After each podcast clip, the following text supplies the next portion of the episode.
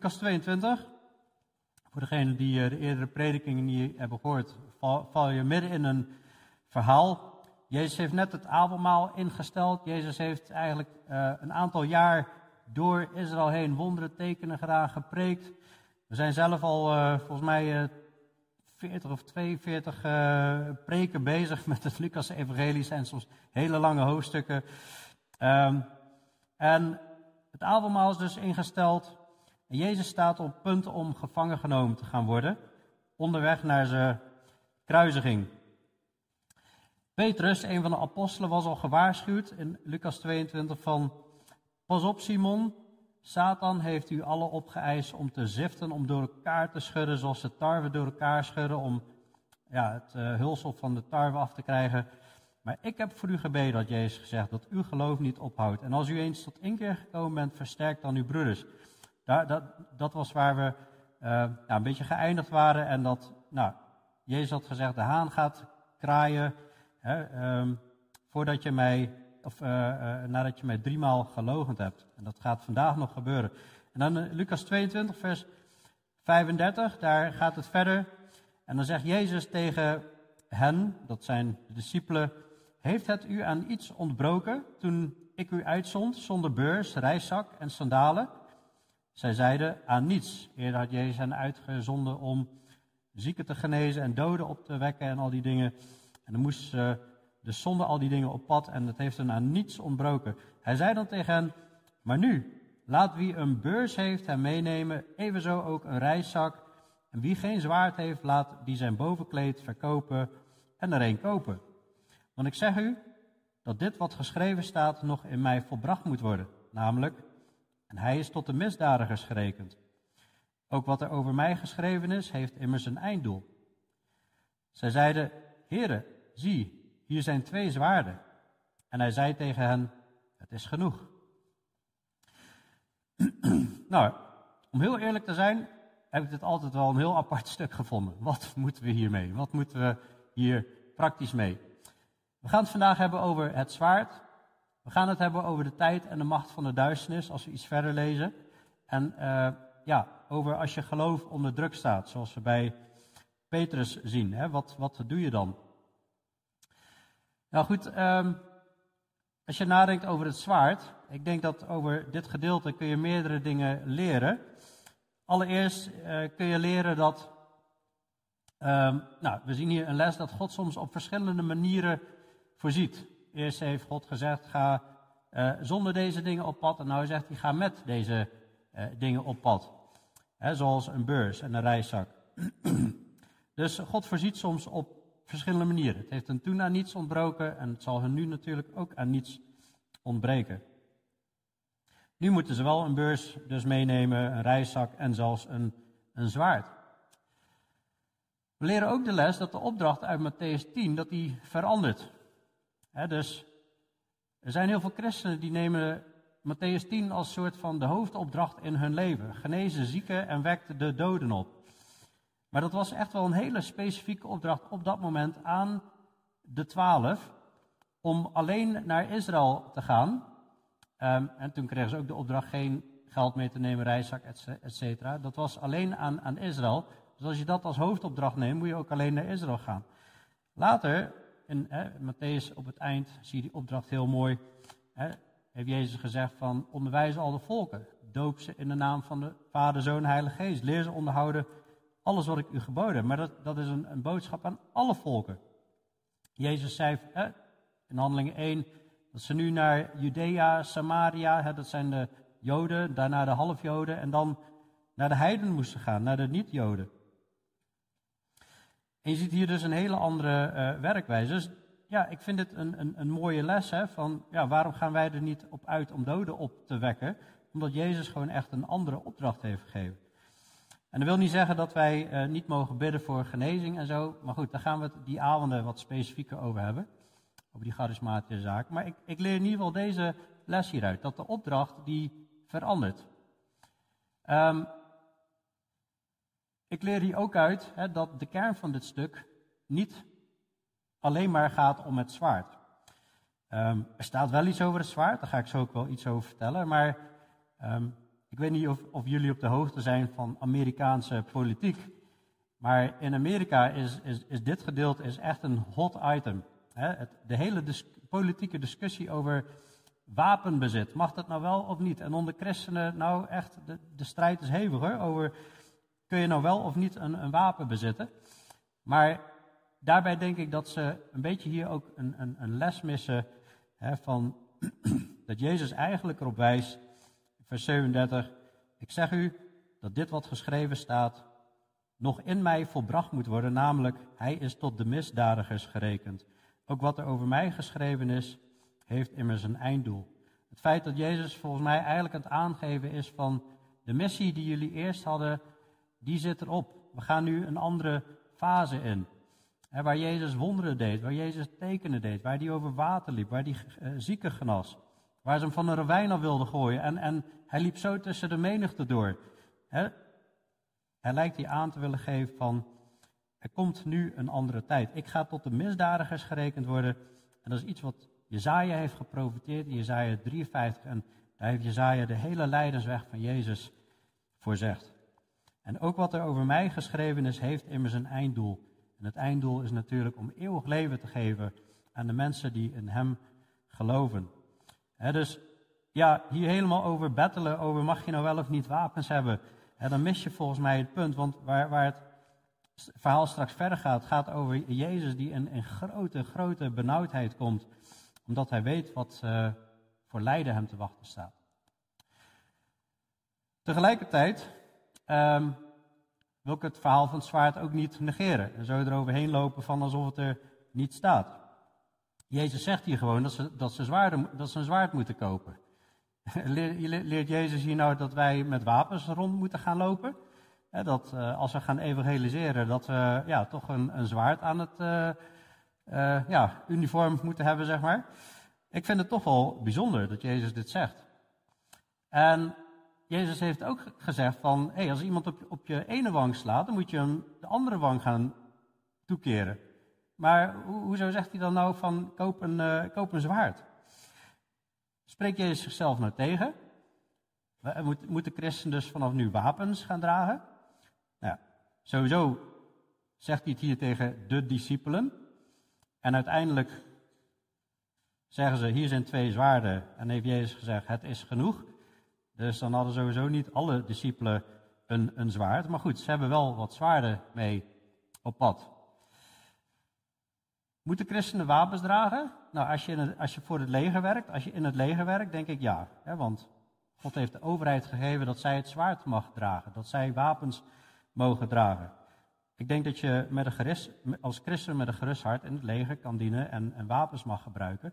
Zelfs om iemand te doden, om het land te beschermen. Of in ieder geval, um, nou, in ieder geval uh, zeer, zeer gevaarlijk gedrag aan te pakken. Het kan ook handig zijn tegen wilde dieren. Jezus geeft helemaal niet op wat de reden is om nu een zwaard te pakken.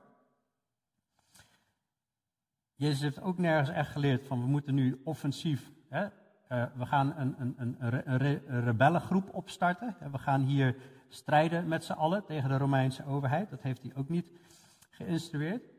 Um, ja, het is toch een beetje, um, wat moet je hier nou mee? Dus ja, dan ga ik uiteindelijk gewoon kijken van nou, wat, wat, wat zien we in, in Handelingen? Het boek Handelingen, waar de eerste Jezus naar de hemel gaat, de Heilige Geest uitgestort. En dan zien we de eerste apostelen en de christenen, de eerste kerken starten. Wat zien we daar dan? Nou ja, we zien daar eigenlijk helemaal geen wapengebruik. We zien op een gegeven moment Stefanus, die gestenigd wordt en, en om zijn geloof, en die geeft zich gewoon over en die wordt gestenigd. Paulus wordt later ook gestenigd. Apostelen worden gegezeld en ze lopen niet met wapens rond om een of andere offensief te beginnen. Maar goed, is, is zelfverdediging dan verboden hè, in verband met andere wang toekeren? Er zijn allemaal van die ethische vraagstukken van mag je dan niks, nooit iets doen, zeg maar. Ik denk dat er situaties zijn waar je wel degelijk gewoon jezelf mag verdedigen. Als iemand jouw huis inbreekt en iemand wil mijn kinderen iets aandoen, dan denk ik dat uit liefde ik mijn kinderen moet gaan beschermen. en, en in zo'n situatie je wel degelijk iets zou kunnen doen. Maar ik denk dat het niet het doel moet hebben om jezelf te wreken, maar te zorgen voor de-escalatie. Dus ja, dat, dat wil ik erover zeggen. We kunnen er een hele lange discussie over hebben in Nederland, maar uiteindelijk als je naar de website van de overheid gaat, die zegt gewoon van in Nederland is het bezit van wapens en vuurwapens is gewoon verboden. Ik vind ze wel heel streng, je mag niet eens meer handgranaten hebben, maar goed, uh, dat staat hier allemaal op voor wie het interessant vindt, pepperspray en zo. Er zijn wel wapens die mag je dus wel hebben. Je zou dus een zwaard mogen hebben, voor wie heel bijbel wil zijn, maar um, je mag hem niet dragen op de openbare weg. Dus uh, nou, de discussie is eigenlijk hiermee gewoon gezetteld voor ons als Nederlanders, heel makkelijk. Want ieder mens moet zich onderwerpen aan de gezagsdragers die over hem gesteld zijn. Want er is geen gezag dan van God. En de gezagsdragers die er zijn, zijn door God ingesteld. God heeft het gezag ingesteld. Wij moeten daar uh, onderworpen aan zijn, tenzij ze tegen, echt tegen Gods uh, morele wetten ingaan. En daar staat er zelfs nog bij: de overheid is immers Gods dienares, u ten goede. Als u echter kwaad doet, vrees dan, want zij draagt het zwaard niet zonder reden. Zij is namelijk Gods dienares, een wreekster tot straf voor hem die het kwade doet. Dus dat is eigenlijk alles wat ik wil zeggen over het, het, zwaard. En je zou kunnen uh, denken van, ja, maar oké, wat als je in een land leefde hè, en het is wel voor toepassing, wat zou je dan zeggen? Denk, ja, dan moet ieder in zijn eigen gemoed ten volle overtuigd zijn. Hè? Romeinen 14. Dan, maar je hebt in ieder geval handreiking gekregen, maar Jezus zegt wel, hè, wanneer Petrus, dat zullen we straks zien, die slaat straks de dienaar van de hoge priester het oor af. die denkt van, oh, ik moet dat offensief beginnen, want Jezus heeft al zwaard niet voor niks gegeven. Dan zegt Jezus, doe uw zwaard terug op zijn plaats, want allen die naar het zwaard grijpen, zullen door het zwaard omkomen. Dus hij zegt ook van, maar pas op, als je, als je wapens wil gaan gebruiken, dan moet je ook niet gek staan te kijken als je erdoor gedood wordt. dat is wel een gevolg van wapenbezit.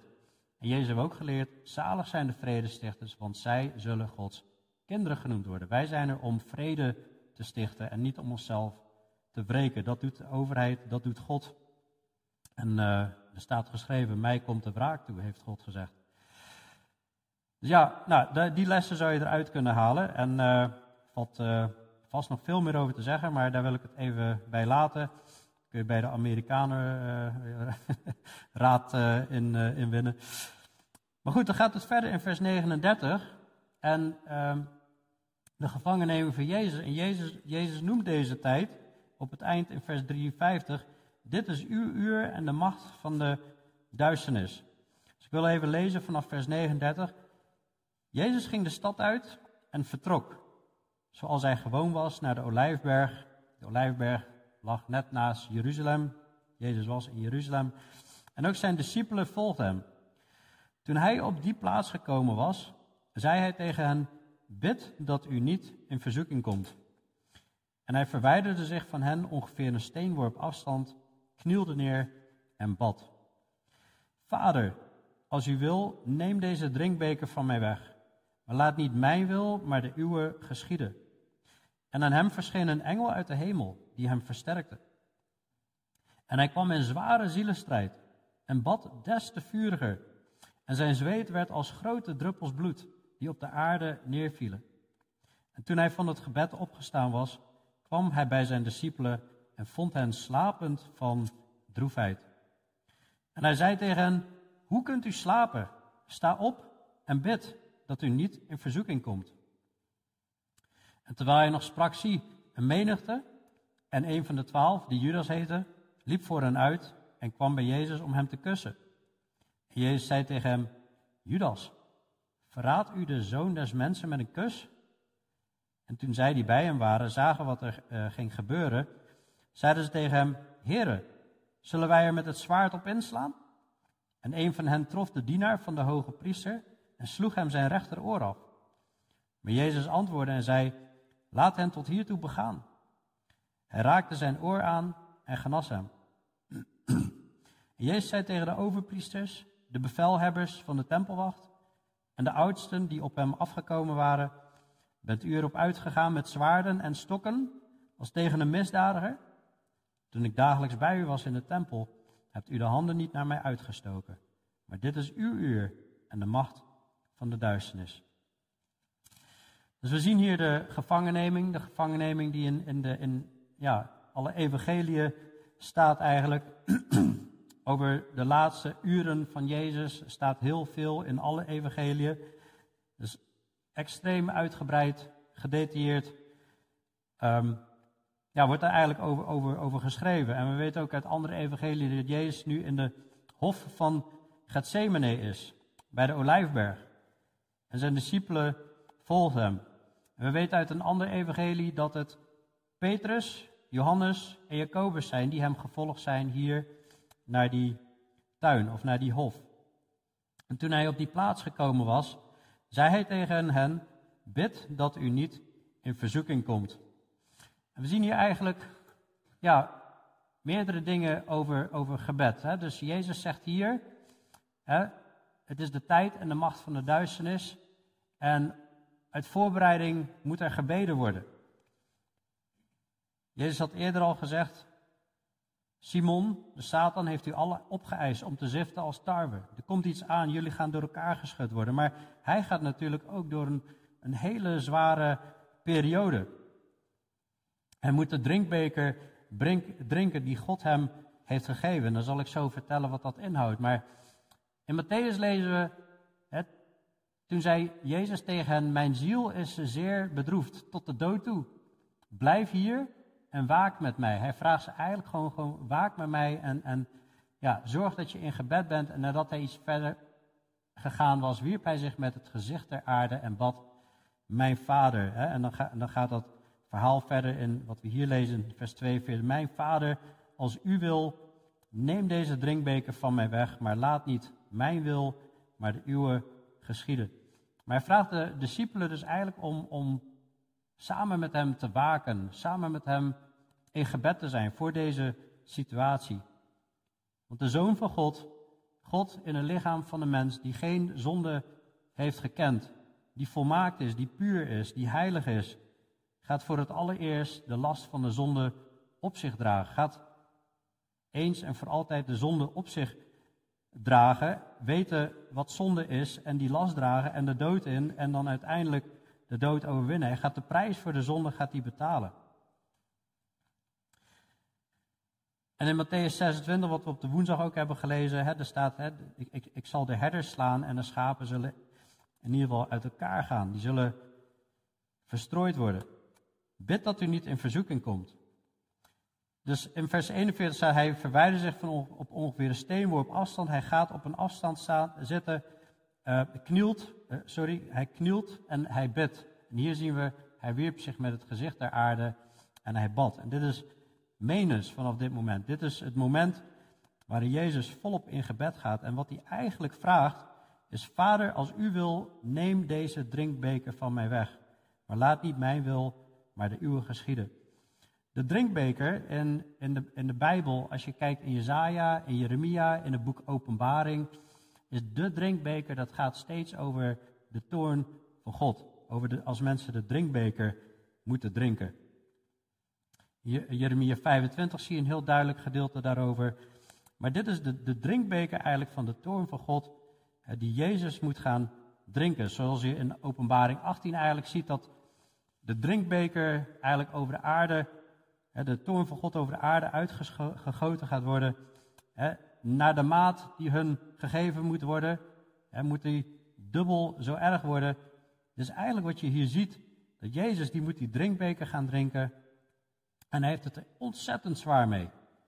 Hij zegt eigenlijk tegen God van, is er misschien nog een andere manier mogelijk dat de verzoening van de zonde plaats zou kunnen vinden? Anders dan dat ik die zondelast moet dragen. Anders dan dat ik die toorn van u op mij moet gaan dragen. Omdat zonde een prijs heeft. Omdat God heilig is, goed is en hij moet dealen met het kwaad. En Jezus gaat het kwaad op zich nemen. En hij zegt, vader als u wil, neem deze drinkbeker van mij weg. Maar meteen daarachteraan zegt hij ook, maar laat niet mijn wil, maar de uwe geschieden. dat is een heel belangrijk punt, ook als wij bidden. Hoe je bidt, de houding, daar ben je vrij in, maar in ieder geval Jezus knielt hier neer en bad. Hij maakt ernst en hij is ook in zware zielenstrijd. En want als je verder leest, en dan zie je, aan, hem verscheen een engel uit de hemel die hem versterkte. En dus God helpt hem ook. Iemand geeft hem kracht om vol te houden in deze zielenstrijd. En in vers 44 staat, en hij kwam in zware zielenstrijd en bad des te vuriger.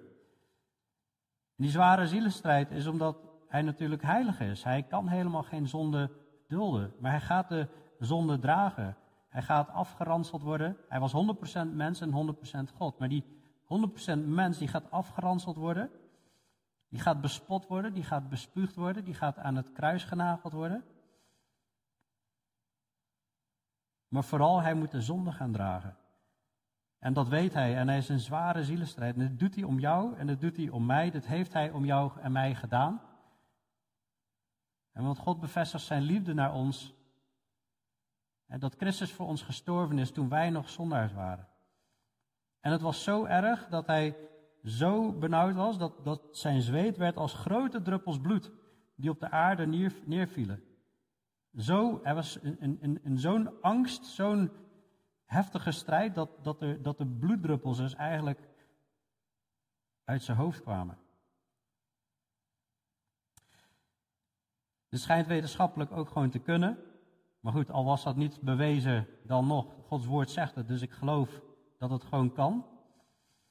Maar wat doet Jezus als hij in zware zielenstrijd is? Wat doet Jezus op het moment dat hij eigenlijk in zo'n angst zit dat hij grote druppels bloed op de aarde laat vallen? Hij bidt des te vuriger. En mogen we daar niet een les uit trekken van wat voor zwaardere strijd kunnen wij hebben dan wat Jezus hier gehad heeft? Volgens mij is er geen zwaardere strijd mogelijk dan iemand die volmaakt is, die heilig is, puur is, die God is, die als een slaaf naar de aarde is gekomen en dan de zonde van de mensen op zich gaat nemen en ergens het niet wil, maar zich onderwerpt aan de wil van de Vader. En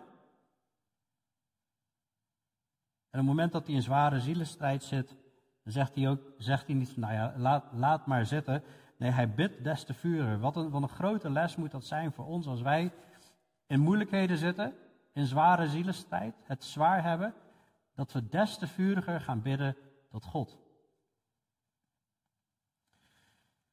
En wat doen de discipelen dan? Wat doen de volgelingen van Jezus? Je zou natuurlijk denken van ja, die zitten natuurlijk ook vurig te bidden. Die gaan er vol voor, want ja, het is een heel belangrijk moment voor Jezus. Maar toen Jezus van het gebed opgestaan was, kwam hij bij zijn discipelen en vond hen slapend van droefheid. Dat is natuurlijk heel erg triest. Jezus had hen gevraagd om met hem te bidden. Hij zegt verder tegen hen in vers 46, hoe kunt u slapen? Sta op en bid dat u niet in verzoeking komt. Matthäus 26 staat er, kunt u dan niet één uur met mij waken? Kun je nog niet één uur met mij bidden? Kun je nog niet één uur even met mij meestrijden? Dus aan de ene kant is het heel verdrietig. Aan de andere kant zien we ergens iets wat, ook wel weer mooi is, mooi goed is, hè, dat ze waren slapend van droefheid.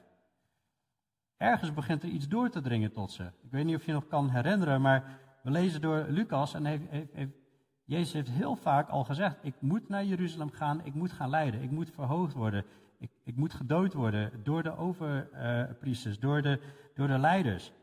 En, en elke keer alsof er niks aan de hand is, alsof ze het niet horen of begrijpen, gaat het verhaal gewoon verder. Maar nu lijkt het door te dringen. Want Jezus heeft net het avondmaal ingesteld, het pascha. We hebben vorige keer bij stilgestaan wat het pascha is. Het lam wat geslacht is. Zodat de dood voorbij mag gaan. En Jezus is het pascha. En hij heeft gezegd, deze drinkbeker is het nieuwe verbond in mijn bloed. Hij heeft ook gezegd dat zijn lichaam gebroken gaat worden.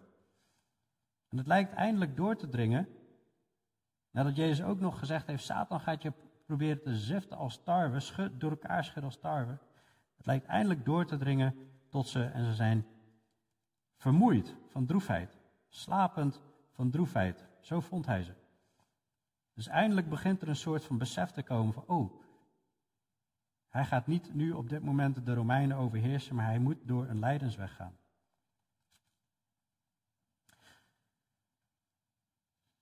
Maar Jezus gaat niet mee in hun emotie. Hij wordt eigenlijk een beetje, nou ja, het lijkt alsof hij wat verontrust is van hoe kunt u slapen? Sta op en bid dat u niet in verzoeking komt. Hij maakt zich nog steeds zorgen om hun bid dat u niet in verzoeking komt. Hij heeft duidelijk gemaakt, er komt een verzoeking aan. Satan gaat je verzoeken. En moeten wij ook niet zo continu in gebed zijn? God heeft ons beloofd dat we een geestelijke strijd zullen hebben. We moeten de wapenrusting aan. We moeten continu in gebed zijn, want er is een geestelijke strijd. God heeft ons uitgekozen als gelovigen, als wedergeborenen, om te strijden tegen Satan en zijn demonen. In Efeze 6. Ik snap er niks van, maar toch heeft God dat gedaan. Wij strijden niet tegen vlees en bloed, maar tegen overheden en machten in de hemelse gewesten. Dus we kunnen het ons niet veroorloven om slap te zijn in het gebedsleven. Is, daar staat het Nieuwe Testament vol van, maar dat is hier ook weer een, een les. En had het misschien anders af kunnen lopen met Petrus, wat we straks gaan lezen. Als Petrus wel gewoon continu vurig volop gewaakt had in gebed. Ja, het is niet zo gebeurd, dus we zullen het nooit weten. Maar ik denk dat die hele belangrijke lessen staan voor wat betreft gebed. En als je hier nog meer in wil verdiepen, is Johannes 17 is een geweldig hoofdstuk waar Jezus het hoge priestelijke gebed doet, net voor zijn sterven. We zien daar wat Jezus bidt. En dat is geweldig hoe hij bidt voor de apostelen. Hij bidt ook voor ons.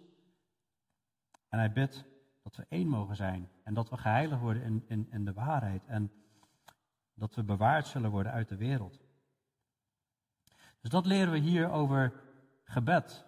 Het is de tijd en de macht van de duisternis. En dan is het belangrijk om in gebed te zijn. En wij kunnen aan tekenen van de tijd ook continu zien van, hé, hey, we leven in een tijd dat we heel dicht bij het einde zijn.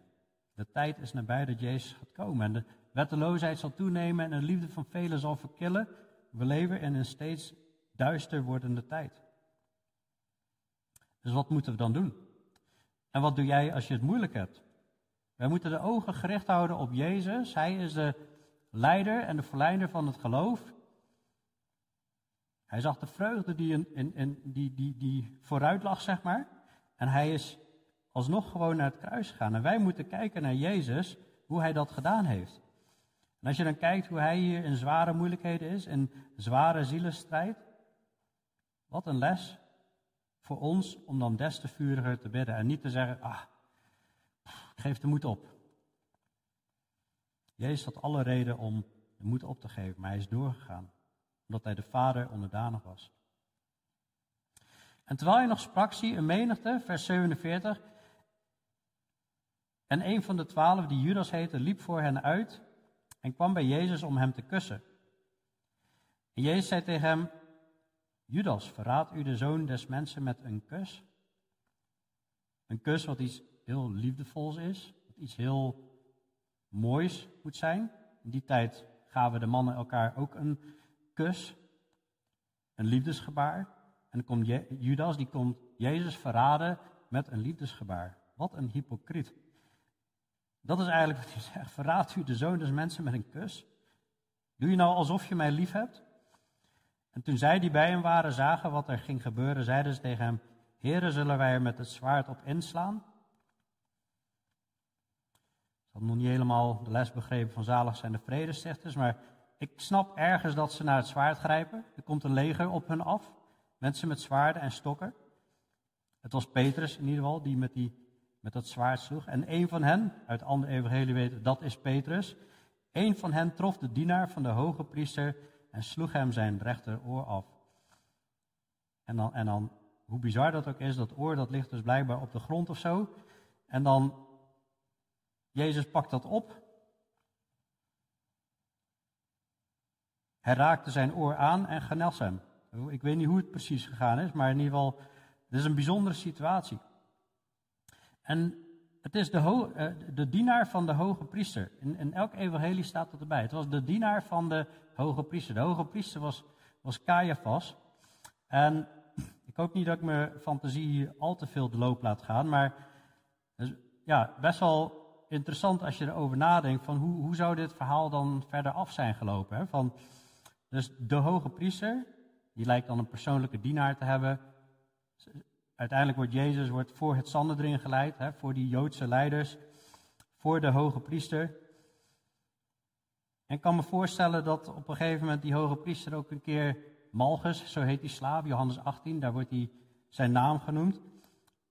Dat die hoge priester op een gegeven moment tegen Malchus zei van ja, vertel me nou eens even precies hoe dat verhaal nou, hoe die gevangenneming nou verlopen is. Hoe is dat nou gegaan, Malchus?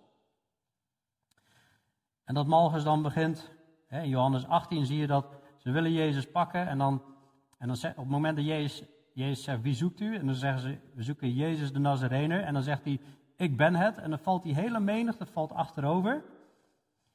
Waardoor Jezus laat zien dat hij macht heeft. Dat gebeurde als eerste. En dan vervolgens, nou, heb je dat conflict met dat zwaard, verliest die Malchus, verliest zijn oor. En stel even, Malchus die zit het allemaal te vertellen aan de hoge priester. Kun je je voorstellen hoe dat gaat? Nou, eerst uh, vielen we allemaal achterover toen Jezus zei, ik ben het. En toen vervolgens, ja, een van zijn discipelen, die hakte mijn oor af.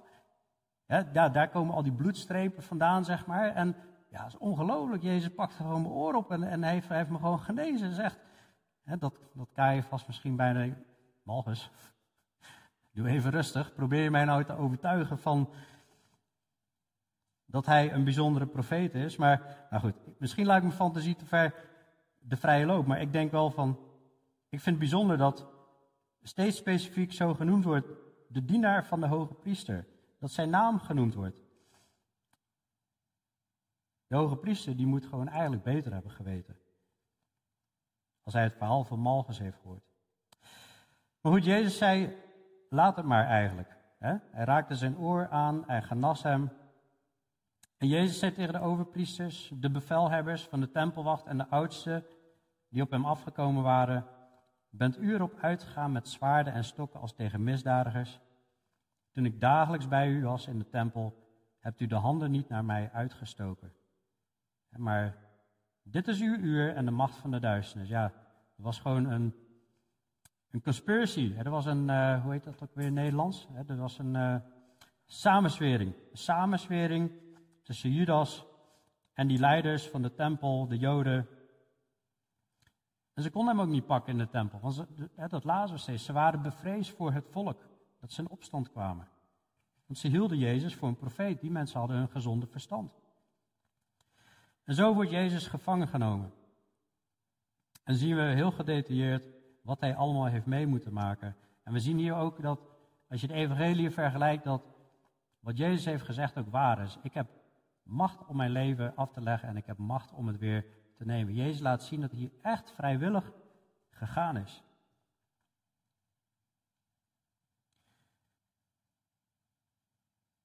En ze namen hem gevangen, vers 54, en voerden Jezus weg en brachten hem in het huis van de hoge priester.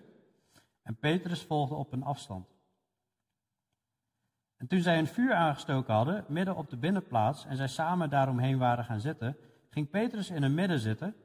En een zeker dienstmeisje zag hem bij het vuur zitten en zei, met haar ogen op hem gericht, ook hij was bij hem. Maar hij verloochende hem en zei, vrouw, ik ken hem niet. En kort daarna zag een ander hem en zei, ook u bent een van hen. Maar Petrus zei, mens, dat ben ik niet.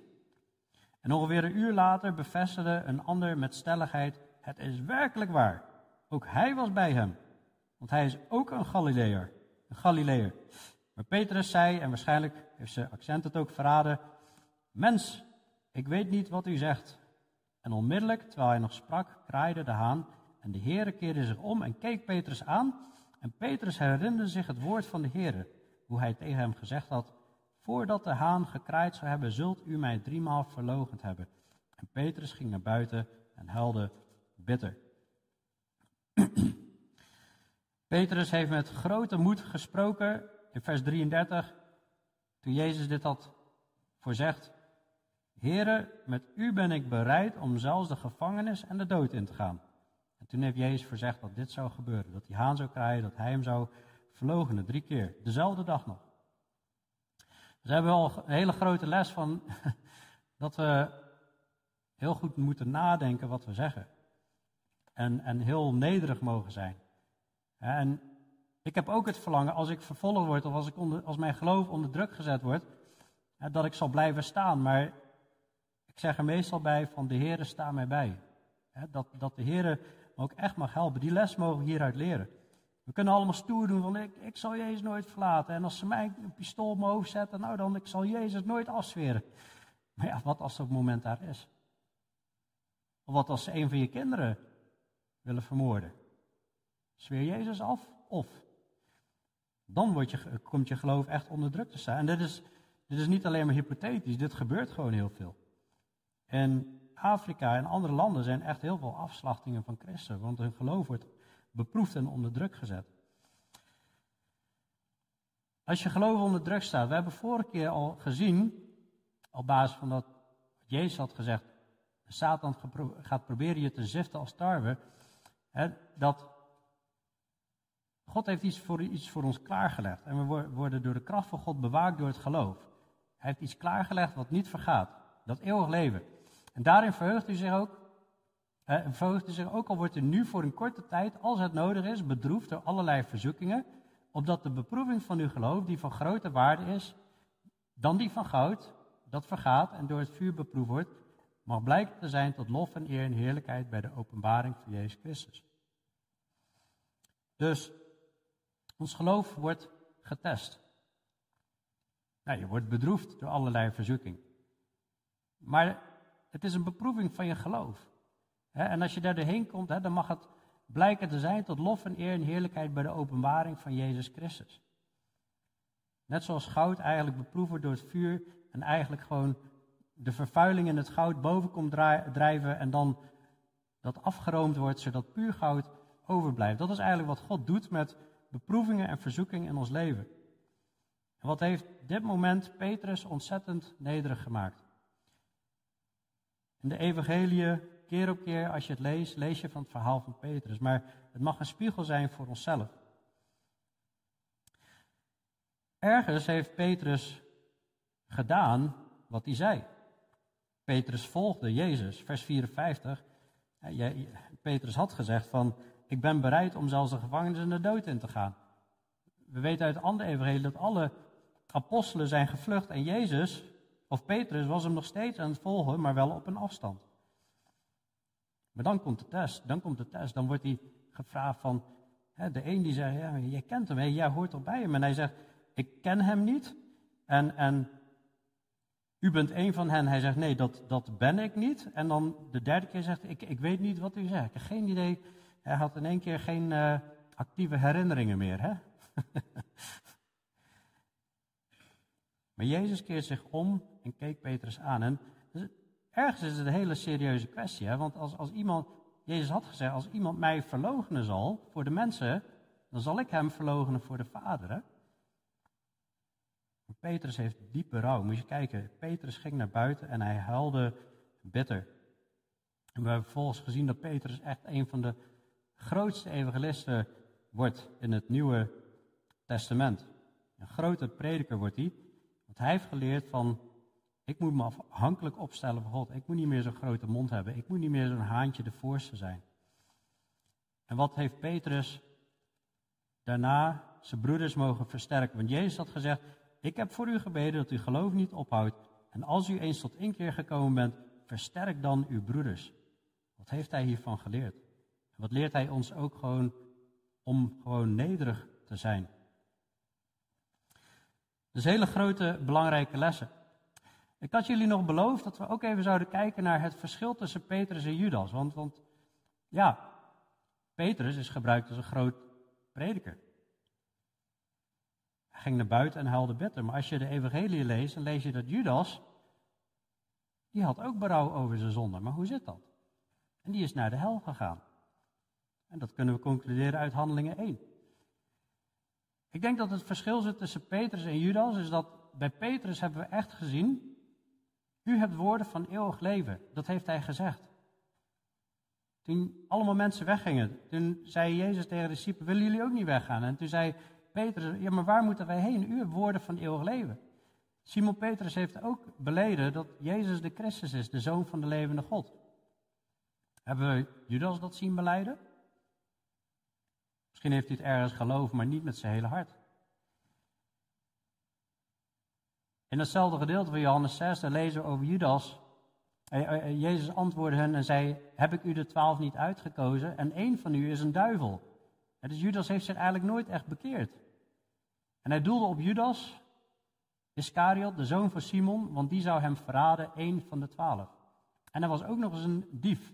Hij was uit op het geld. Hij beheerde de portemonnee. Misschien heeft hij daarvan gestolen, maar sowieso heeft hij Jezus verraden voor geld.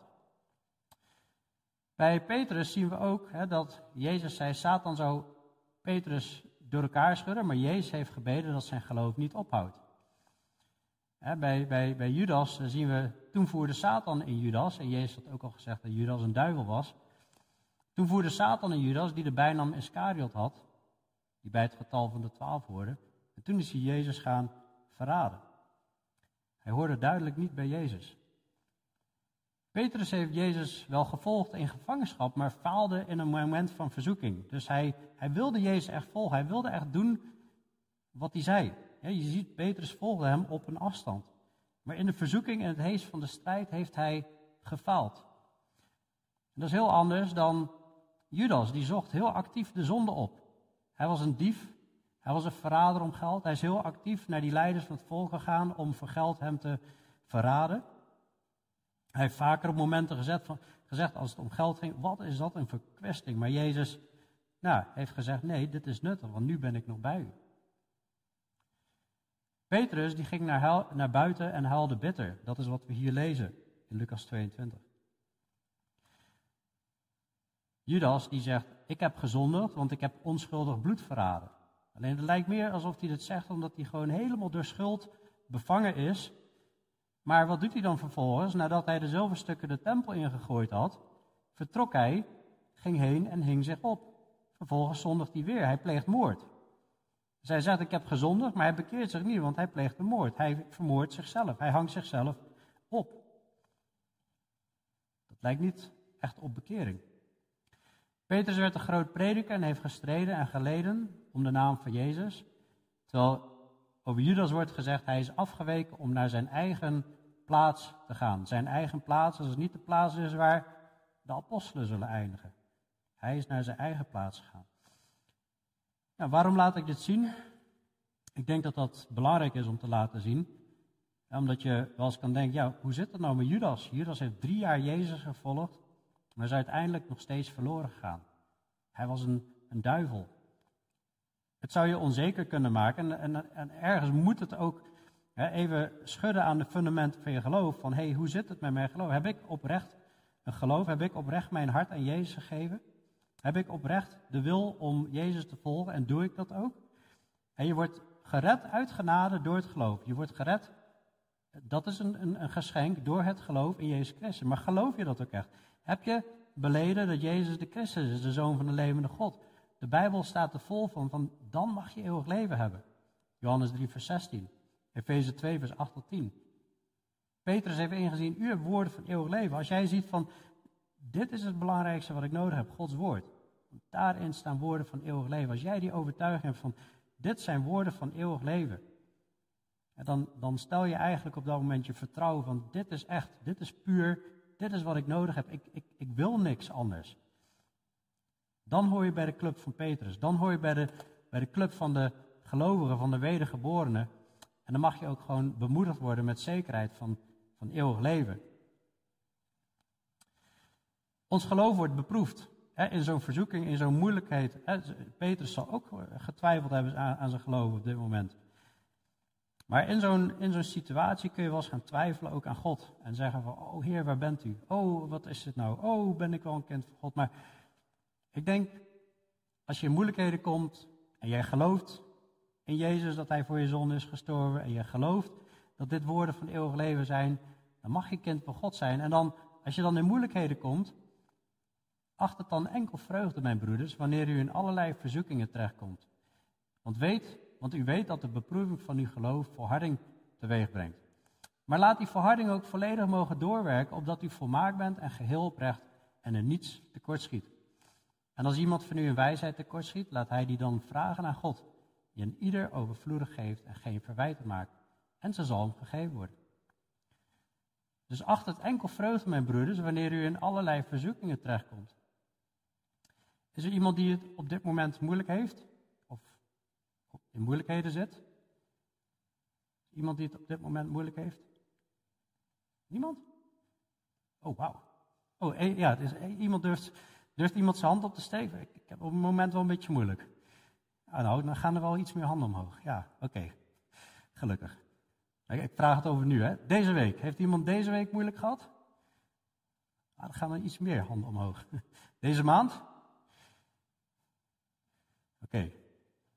Prijs de Heer. Halleluja. Hey, achter het enkel vreugde, mijn broers, wanneer u in allerlei verzoekingen terechtkomt.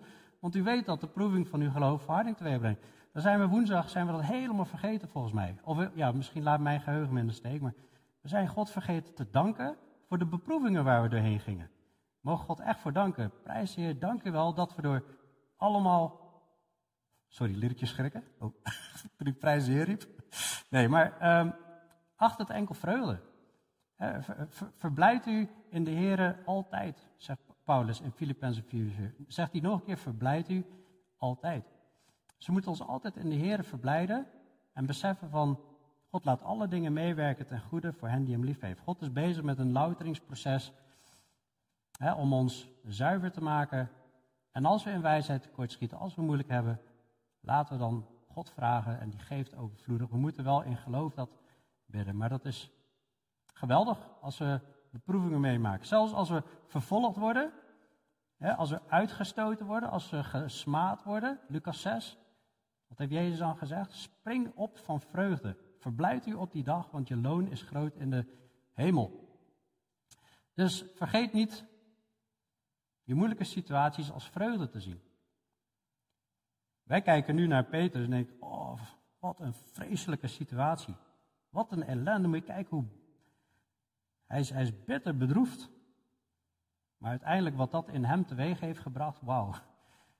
Zo'n geweldige prediker. Hij heeft, hij heeft vanaf dat moment echt zichzelf helemaal overgegeven aan de Heer. Hij is nederig geworden en dat is wat God wil. En ondertussen, hou vast aan de belofte die God geeft. Zoals dit. Dit vind ik altijd een bemoediging. Als ik in een moeilijke situatie zit, denk ik, Heer, bent u er nog? Ben ik echt een kind van u? Dan weet ik weer van, nee, wacht even. Ik geloof dat Jezus de Christus is, de Zoon van de levende God. Ik geloof dat dit woorden van eeuwig leven zijn. En dan heeft Jezus, je moet het hele stuk eens even lezen, maar kernzin pak ik eruit, maar hij zegt nog veel meer krachtige dingen. Johannes 6, vers 39. Dit is de wil van de Vader die mij gezonden heeft, dat ik van alles wat hij mij gegeven heeft, niets verloren laat gaan, maar het doe opstaan op de laatste dag. En dit herhaalt hij een paar keer. Van alles wat de Vader aan mij gegeven heeft. Dus wij zijn een cadeau van de Vader aan de Zoon. En van alles wat de Vader aan mij gegeven heeft, ga ik niks verloren laten gaan, maar ik zal hen doen opstaan op de laatste dag. Dus we worden door de kracht van God bewaakt door dat geloof. Jezus' werk is om ons niet verloren te laten gaan. Kan Jezus falen in zijn werk? Dit is een ontzettend grote bemoediging. En dat is eigenlijk gebeurd met, met Petrus. Jezus heeft voor Petrus gebeden dat zijn geloof niet ophoudt. En het is soms moeilijk. Je geloof komt soms onder druk. Wat het ook mag zijn, vervolging, problemen, huwelijk, financiën, werk, lichaam. We worden onder druk gezet, zo nu en dan. Het is een geestelijke strijd, maar zie dat als vreugde. God is iets aan het bewerken. God heeft hier iets in Petrus bewerkt. We zien het voorbeeld van Jezus, als het heel zwaar is. Hij heeft tot bloedens toe gezweet. En wat deed Jezus? In zware zielenstrijd, hij bad des te vuriger. En hij neemt de discipelen ook kwalijk dat ze niet met hem aan het bidden waren. Ja, dus dat verwijt van, hoe kun je slapen in moeilijke omstandigheden? Sta op, bid, hè, en bid dat u niet in verzoeking komt. En dat is een battle. We hebben onze vermoeidheid en we hebben onze teleurstelling, maar toch is dat wat we steeds moeten doen. Terug naar de Heer en hoe zwaarder het is, des te vuriger bidden. Ik vind dat allemaal geweldige lessen die we hier mogen leren. En uh, ja, laten we hier ook gewoon uh, naar de Heer naderen in gebed. En kijk de volgende keer naar Jezus die voor Sanhedrin komt, Jezus die voor Pilatus komt, Jezus die voor Herodes komt. En Wat we daar allemaal uit kunnen leren. Hemels Vader, Heer Jezus. Ja, een andere tijd breekt aan. Een andere tijd dan al die geweldige wonderen. Al die geweldige predikingen. Ook hele pittige prediking. Nu is het moment waarin we hier in Lucas lezen dat u moet gaan lijden. wij weten inmiddels wat die lijdensweg heeft ingehouden. Heeft betekend, Heer. En wat een, wat een wonder, Heer, dat u ja, die drinkbeker heeft gedronken. De drinkbeker van de toorn van God om ons te redden, om ons eeuwig leven te geven, om ons te vergeven van onze zonden. Wat een genade, wat een liefde en een barmhartigheid, Heer. Terwijl wij dat niet verdienen. We waren in opstand, Heer. We waren vijandig tegenover u. Maar u heeft ons getrokken met uw koorden van liefde, Heer, en daar dank u voor. Heer, als er nog mensen zijn die u niet kennen, Heer, dan bid ik, Heer, dat ze hun hart openen voor u. Dat ze de liefde van de Heer ingang zullen laten geven in hun harten, Heer. En Heer, wilt u dan de hart ook vullen, Heer, en de, uw liefde uitstorten door de Heilige Geest. En ja, geven dat uh, ook die persoon kind van u mag zijn of worden, Heer. En ik bid ook ja, voor de gemeente, voor ons allen, Heer, als we door beproevingen gaan, als we door moeilijkheden gaan, Heer. Om het, om het te zien als echte vreugde, Heer, omdat u iets aan bewerken bent. Heer, en daar dank u ook voor, voor al onze beproevingen. Heer, als we kijken naar elkaar als medemens, dan hebben we gewoon soms met elkaar te doen. Als iemand in lichamelijk lijden is, als iemand in een ander lijden is, Heer. Maar en tegelijkertijd bedanken u, Heer. En uh, ja, als u verlichting wil geven in, het, in, de moeilijkheden, Heer, wilt u dat doen. Heer, maar zolang we er nog doorheen moeten, Heer, dan uh, ja, we prijzen uw naam daarvoor. En uh, dank u wel dat we mogen weten dat alle dingen meewerken ten goede voor hen die u lief hebben. Heer, dank u wel dat u aan het werk bent in ons. Dank u wel voor de voorbeelden die we hebben. Zo'n ja, groot en vurig apostel als Petrus, dat we mogen zien dat, dat ook zijn hoogmoed gebroken moest worden. Dat ook hij door deze les nederig is geworden naar u. En ja, steeds meer afhankelijk is geworden van u. Dank u wel dat u met ons als mensen ja, aan, de, aan de slag gaat, Heer. En, uh, ja, en ook verder gaat, Heer. We geven alle eer en glorie aan u in Jezus' naam. Amen.